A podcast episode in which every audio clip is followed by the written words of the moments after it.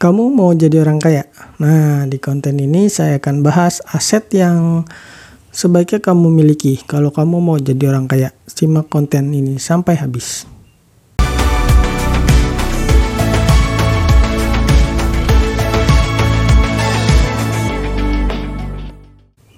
Halo, Haryo di sini. Ketemu lagi sama saya. Seperti biasa, saya akan membahas seputar investasi, pengelolaan keuangan, dan juga digital marketing. Tujuannya untuk bisa bebas finansial.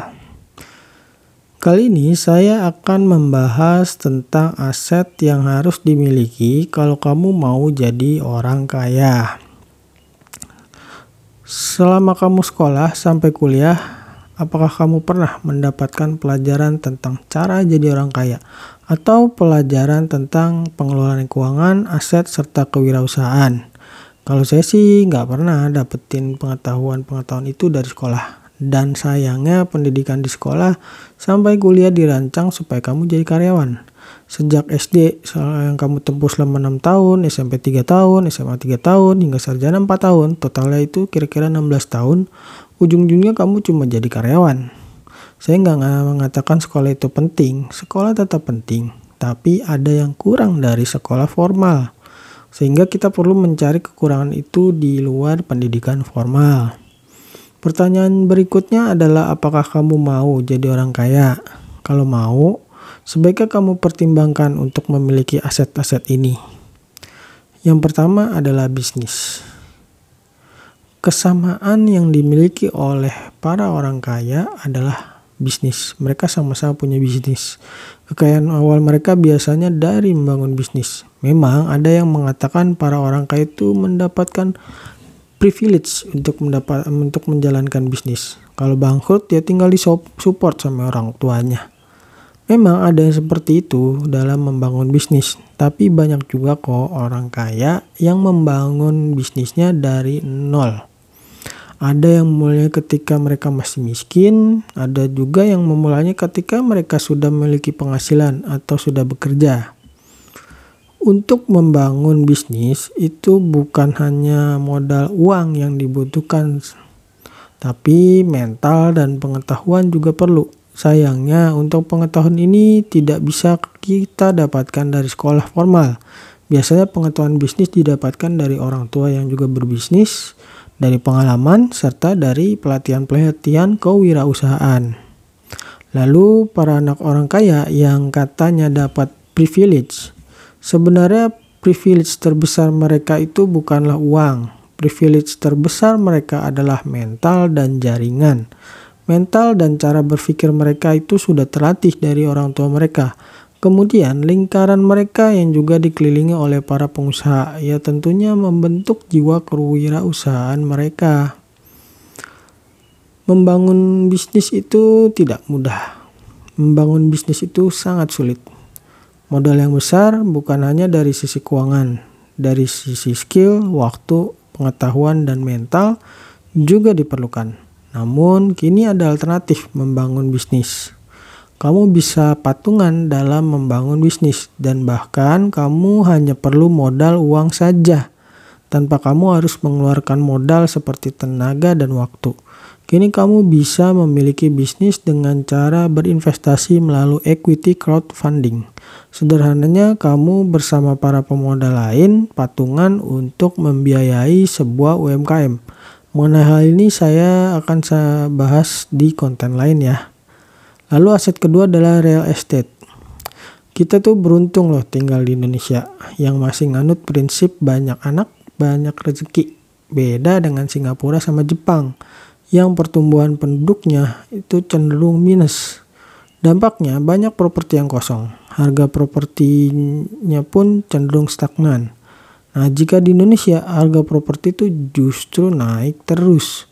Real estate seperti rumah, kontrakan, apartemen, atau hotel itu merupakan aset yang juga dimiliki oleh para orang kaya. Apalagi di Indonesia harga properti itu cenderung naik, terlebih resiko penurunan harga pada jenis real estate tertentu seperti rumah itu relatif kecil karena meskipun kamu salah membeli rumah, kamu tetap aja bisa untung.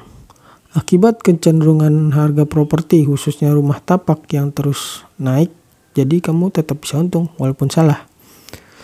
Potensi keuntungan real estate itu didapatkan juga dari kenaikan harga dan biaya sewa, sehingga kamu bisa bermain dari sisi kenaikan harga dengan jual beli rumah atau membangun bisnis pengembang properti. Atau kamu bisa membangun kontrakan, membeli eh, real estate untuk disewakan, sehingga kamu bisa mendapatkan penghasilan pasif. Aset ketiga adalah paper asset. Paper asset Paper aset seperti saham, reksadana, deposito, dan obligasi itu perlu kamu miliki. Apalagi di beberapa paper aset bisa memberikan kamu penghasilan pasif seperti dari saham yang ber, apa, saham berdividen, deposito, dan obligasi. Dan untuk saham, sebaiknya sebelum kamu masuk ke dalam dunia saham, kamu harus belajar dulu. Kalau kamu ingin belajar mengenai saham, saya tuh juga punya juga sering lo bahas tentang saham di konten-konten saya yang lain. Lalu yang keempat adalah aset internet. Saat ini jika kamu ingin memiliki uang yang banyak atau terkenal, kamu tuh bisa melakukannya dengan lebih mudah. Bahkan eh, lebih mudah jika dibandingkan dengan membangun bisnis karena cukup bermodalkan ponsel, tripod, dan mikrofon. Kamu itu sudah memiliki modal awal untuk membangun internet aset. Kamu bisa menjadi konten kreator seperti selebgram, youtuber, atau influencer lainnya. Tidak harus punya fisik yang rupawan atau modal yang besar. Hal ini uh, hal maksud saya hal yang paling penting adalah konsistensi, mental tidak mudah menyerah serta keinginan untuk terus belajar. Sudah banyak kok bukti keberhasilan yang diperoleh oleh para influencer itu dari yang tadinya bukan siapa-siapa menjadi seseorang yang cukup terken, cukup dikenal. Istilahnya from zero to hero. Selain menjadi influencer, kamu juga bisa mendapatkan penghasilan dari internet dengan menjadi reseller, menjalani affiliate marketing, serta menjalankan bisnis dengan sistem dropship. Aset kelima adalah otak. Ini adalah modal terpenting dari semuanya karena tanpa pengetahuan yang cukup, kamu akan kesulitan dalam membangun dan mengelola aset kamu. Hal yang terpenting dalam membangun kekayaan itu adalah pengetahuan dan mental, dan kedua hal tersebut bisa kamu dapatkan dari membaca, mengikuti pelatihan, serta terjun secara langsung. Para orang kaya pun demikian. Jika mereka tidak memiliki pengetahuan dan mental yang baik dalam mengelola bisnisnya atau mengelola asetnya, mustahil mereka akan bisa mempertahankan kekayaan mereka. Sebenarnya ada dua aset lagi yang perlu dimiliki jika kamu ingin menjadi kaya, yaitu emas dan tabungan. Emas bisa melindungi kamu agar kamu tetap kaya, tapi tidak untuk menambah kekayaan kamu. Lalu tabungan sebagai jaring pengaman kekayaan. Tabungan meskipun tidak bisa dikatakan sebagai investasi, kamu bisa meletakkan dana darurat kamu pada instrumen ini. Karena hal terpenting dari dana darurat adalah likuiditas. Itulah tadi aset yang perlu kamu miliki kalau kamu pengen jadi kaya. Dan saya doakan buat kamu yang sedang mengumpulkan pundi-pundi kekayaan, impian kamu untuk menjadi kaya akan dimudahkan dan kamu bisa segera menjadi orang kaya. Oke, sampai di sini pembahasan tentang aset yang harus dimiliki. Kalau kamu mau jadi orang, uh, kalau kamu mau jadi orang kaya. Sampai jumpa di konten berikutnya. Dah.